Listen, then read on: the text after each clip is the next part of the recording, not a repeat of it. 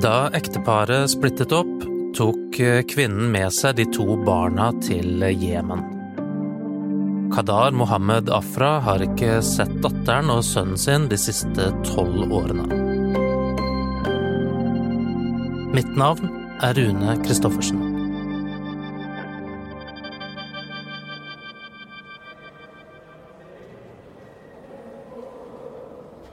Det er lunsjtid ved tinghuset i Bergen. Og akkurat nå strømmer advokater og tilhørere ut dørene for å få seg litt frisk luft i pausen. Jeg møter Kadar i eh, trappen ved hovedinngangen. Kadar har på seg hvit skjorte, dress, slips og caps. Kunne du bare presentert deg selv litt først, og, og si hvem du er? Jeg er Gadar Mohammed Afra. Jeg er eh, fornærmet i den saken. Og jeg kjemper for å få barna min fortsatt tilbake til Norge. Kan du begynne med å fortelle litt om eh, Han er sliten etter å ha forklart seg i detalj om saken som har plaget ham i flere år. I to dager har han sittet i rettssalen rett overfor ekskonen. Hvordan var det å se henne igjen i retten i dag, da? Vanskelig. Vanskelig å sitte der og høre på hva hun har å si, og ikke si noe som gjør noe mening i det hele tatt. Det, det, er bare vanskelig, men, men, sånn er det bare. Kvinnen han var gift med, er tiltalt for å ha bortført de to barna deres til et av verdens farligste land. Velkommen til Urix. En skolebuss blir sprengt i fillebiter. En hel familie utslettes i et flyangrep. Anklagene om krigsforbrytelser i Jemen er mange, og likevel selger europeiske land våpen Under rettssaken sitter ekskonen på tiltalebenken med et headset utenpå hijaben. To tolker bytter på å oversette det meste som blir sagt. Ved siden av Kadar sitter bistandsadvokaten som skal ivareta interessene hans som fornærmet i saken. Ved siden av der igjen sitter aktor. Det er han som har tatt ut tiltalen mot kvinnen på den andre siden av rommet. Kadar føler endelig at han har et apparat i ryggen, at han blir tatt på alvor av myndighetene. Men sånn har det ikke alltid vært.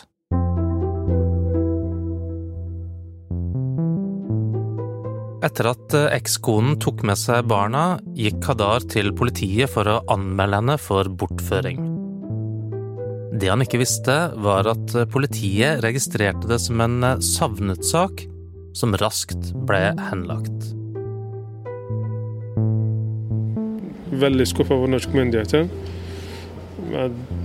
Altså helt fra 2010 til den dagen i dag. Eller til og med 2017 så har de ikke gjort noe i det hele tatt.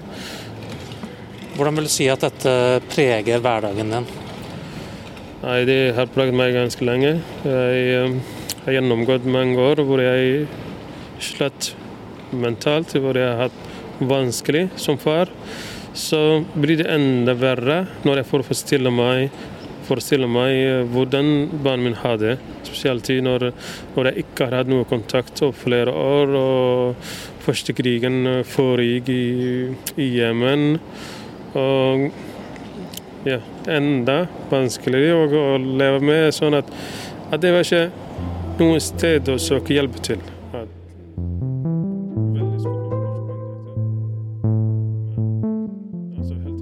En gang var de en ganske vanlig familie i Bergen. Kadar bodde med konen og datteren sin i Sandviken. Så vi hadde det fint. Altså vi bodde i Sandviken før vi flyttet til sentrum rett før de dro. At, på det tidspunkt så Datteren min var rundt fire år gammel, og vi hadde det gøy. Hun gikk på barnehage. Vi hadde god tid, familieliv sammen. For, for alt ble frarøvet. I september 2009 fikk de et barn til, en gutt.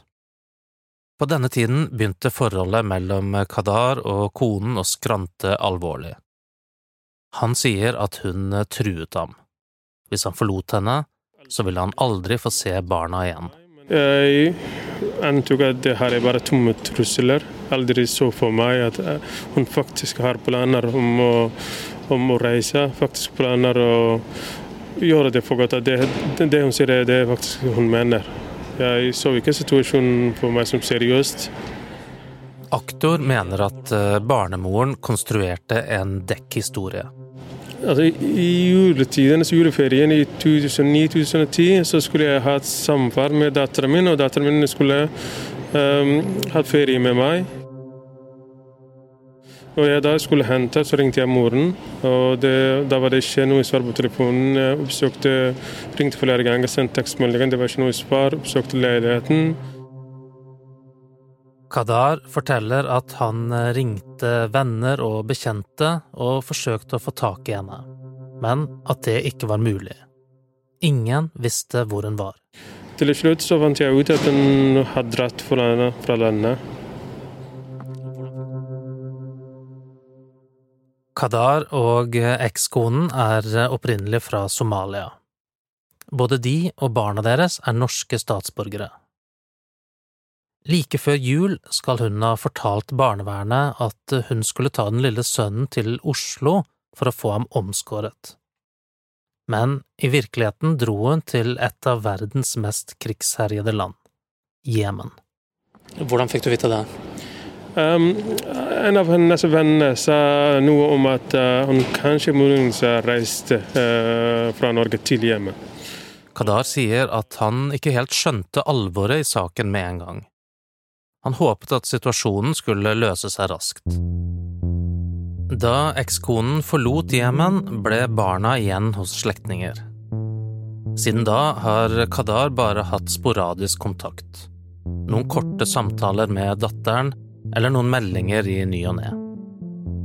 Han sier at det var ekskonen som styrte hvor mye kontakt han fikk ha med barna. Når han sendte penger til familien, fikk han flere livstegn tilbake, sier han. Hvor mye vet du om hvordan de har hatt eh, gjennom disse årene? da? Jeg kan, jeg kan bare Nei, det, det, er utrolig vanskelig å se hva situasjonen barna mine lever i, eller hva de har gjennomgått alle, alle disse årene. Altså, jeg har jo hele tiden frykta at, at uh, først og fremst de uh, hva hva slags omgivelser de lever i. Og at jeg frykter at det har pågått store kriger eh, der, at de kom uh, først og fremst å bli skadet uh, psykisk, men også fysisk også. Men det kunne ja.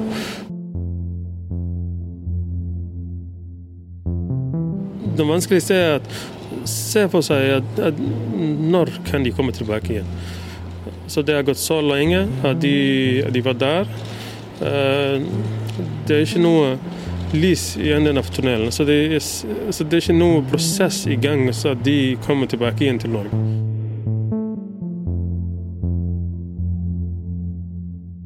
Her må vi spole noen år frem i tid. Kadars ekskone er blitt sammen med en ny mann, og de har fått to barn sammen. Hun har tatt med det ene barnet til Canada mot mannens ønske, og i 2015 så går han også til politiet for å anmelde henne for barnebortføring. Kvinnen blir pågrepet av politiet i Canada, og etter åtte måneder i varetekt blir hun utlevert til Norge. Hun sier at hun er uskyldig, hun hevder at eh, mannen hennes signerte på et dokument der han fraskrev seg foreldreansvaret. Men påtalemyndigheten tror ikke på det. De mener at underskriften ikke er ekte. Og kvinnen blir tiltalt for bortføring og dokumentfalsk. I 2020 blir hun frikjent i Hordaland tingrett. To av de tre dommerne mener at eh, det ikke kan bevises at eh, underskriften er falsk. Gjennom årene har kvinnen hatt omfattende kontakt med barnevernet. Til sammen har hun åtte barn, men hun har ikke formelt omsorg for noen av dem. Hun ønsker ikke å uttale seg til BT. Hei, du er fra Bergens Tidende. Ja, takk. Kan jeg spørre deg hvordan det er å Nei, være i det? beklager. Du vil Takk ikke for det? Ok. Altså, jeg gir skylden på norske myndigheter for at hun fikk lov til å holde på med noe sånt. Hun hadde fått klar beskjed. Jeg var uh, overraska. Saken fra Canada får en politibetjent i Bergen til å se nærmere på hva som egentlig skjedde med barna i Jemen. I åtte år har ikke myndighetene gjort noe for å få de to norske barna hjem til Bergen. Først nå kommer etterforskningen i gang. Moren blir avhørt. Og hun forklarer at hun dro med barna fordi hun var redd for barnevernet, og fordi hun var sjalu på fars nye kjæreste. Før rettssaken starter, prøver aktor å finne lignende saker for å sjekke hvor straffenivået pleier å ligge. Han sier at han ikke klarer å finne noen saker som er i nærheten av å være like alvorlige. Se for deg, sier han, at noen tar fra deg dine to små barn og tar dem med til et av de farligste landene i verden. Det er stor fare for at de kan bli alvorlig syke eller dø på grunn av krig. Etter tolv år så er de fortsatt der. Straffen bør være minst fire års fengsel, mener aktor. Barnemoren rister raskt på hodet da hun får tolkens oversettelse på øret. Kadar sier at han ikke bryr seg om hun får ett eller ti års fengsel. Det eneste han vil, er å få se barna igjen. Så jeg ser fram til den dagen, og jeg håper det skjer fort. Og, um,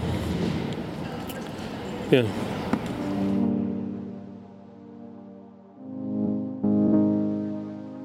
Advokat Lasse Solberg er kvinnens forsvarer. Han mener at det ikke var straffbart at hun tok barna med ut av landet, fordi loven er blitt endret i ettertid. Han sier at det tok flere år før hun fikk vite at far krevde at barna skulle bo hos ham. Og, og da retter hun henvendelser nedover dit og sier at nå må vi hente barna hjem. Men det er klart, da har de jo bodd der en, en stund, og eh, der ligger nok antageligvis en form for eh, si, både emosjonelle bånd og kanskje også en økonomisk trygghet knyttet til det å ha barna hos seg for eh, den familien som, som barna har bodd hos der nede. Mor i huset der ønsker rett og slett ikke å, å gi slipp på barna. Hvordan reagerer hun på det far sier om at hun har kontrollert hans kontakt med barna? Nei, altså hun, Det hun sier, er at hun har vel ikke lagt noen restriksjoner på dette. her. Han har tatt kontakt når han har ønsket det. Han har hatt mulighet til å ringe og uh, har gjort det innimellom. Uh, og det har ikke vært noen problemer med at han ikke har fått kontakt med barna dersom han har prøvd å ta kontakt med barna. Forsvareren reagerer på at den andre bortføringssaken fra Canada ble trukket frem i retten. Det er jo et forhold som hun er frifunnet for, så det er klart at den, den har jo ikke noe plass. Måten den ble presentert på i retten var etter min mening eh, veldig uheldig, fordi at man har en representant for politiet som måte hevder at hun er skyldig i den saken, selv om hun ble frifunnet. 11. mai faller dommen. Kvinnen blir dømt til fire års fengsel. Ifølge aktor er det den strengeste straffen for barnebortføring som noen gang er gitt i Norge. Dommerne mener at bortføringen uten tvil har vært en stor belastning for både barna og Kadar. De trekker blant annet frem at barna har måttet flykte i Jemen på grunn av krigshandlinger. Kadar håper dommen vil legge press på slektningene, sånn at barna hans kommer hjem til Bergen. Hallo? Hallo, hva Kadar, det er Rune i BT her. Hei, hei Rune. Hei, takk for sist. Bergny. Du, har du fått uh, dommen, eller? Ja, jeg har fått uh, dommen med meg, ja. Ja. Uh, jeg ringer bare for å høre hva du tenker, jeg. Ja, um, jeg syns, jeg syns, det er bra at hun ble dømt til fire års fengsel. Um, det er bra at den ble dømt for så lenge, men samtidig tenker tenkte med en gang hva kommer til å skje om hun vil fortsette ikke samarbeide og til og med gå i fengsel i fire år. Sant? Så jeg kommer kanskje til å miste kontakt med barna. og Det spørsmålet om å fortjener fire år, så tenker jeg hun absolutt fortjener å sitte i fire år i fengsel. Denne episoden av Hva skjedde? er laget av Anna Offstad, Henrik Svanvik og meg, Rune Christoffersen. Trykk gjerne abonner hvis du liker det du hører, og skriv til oss på hva skjedde at.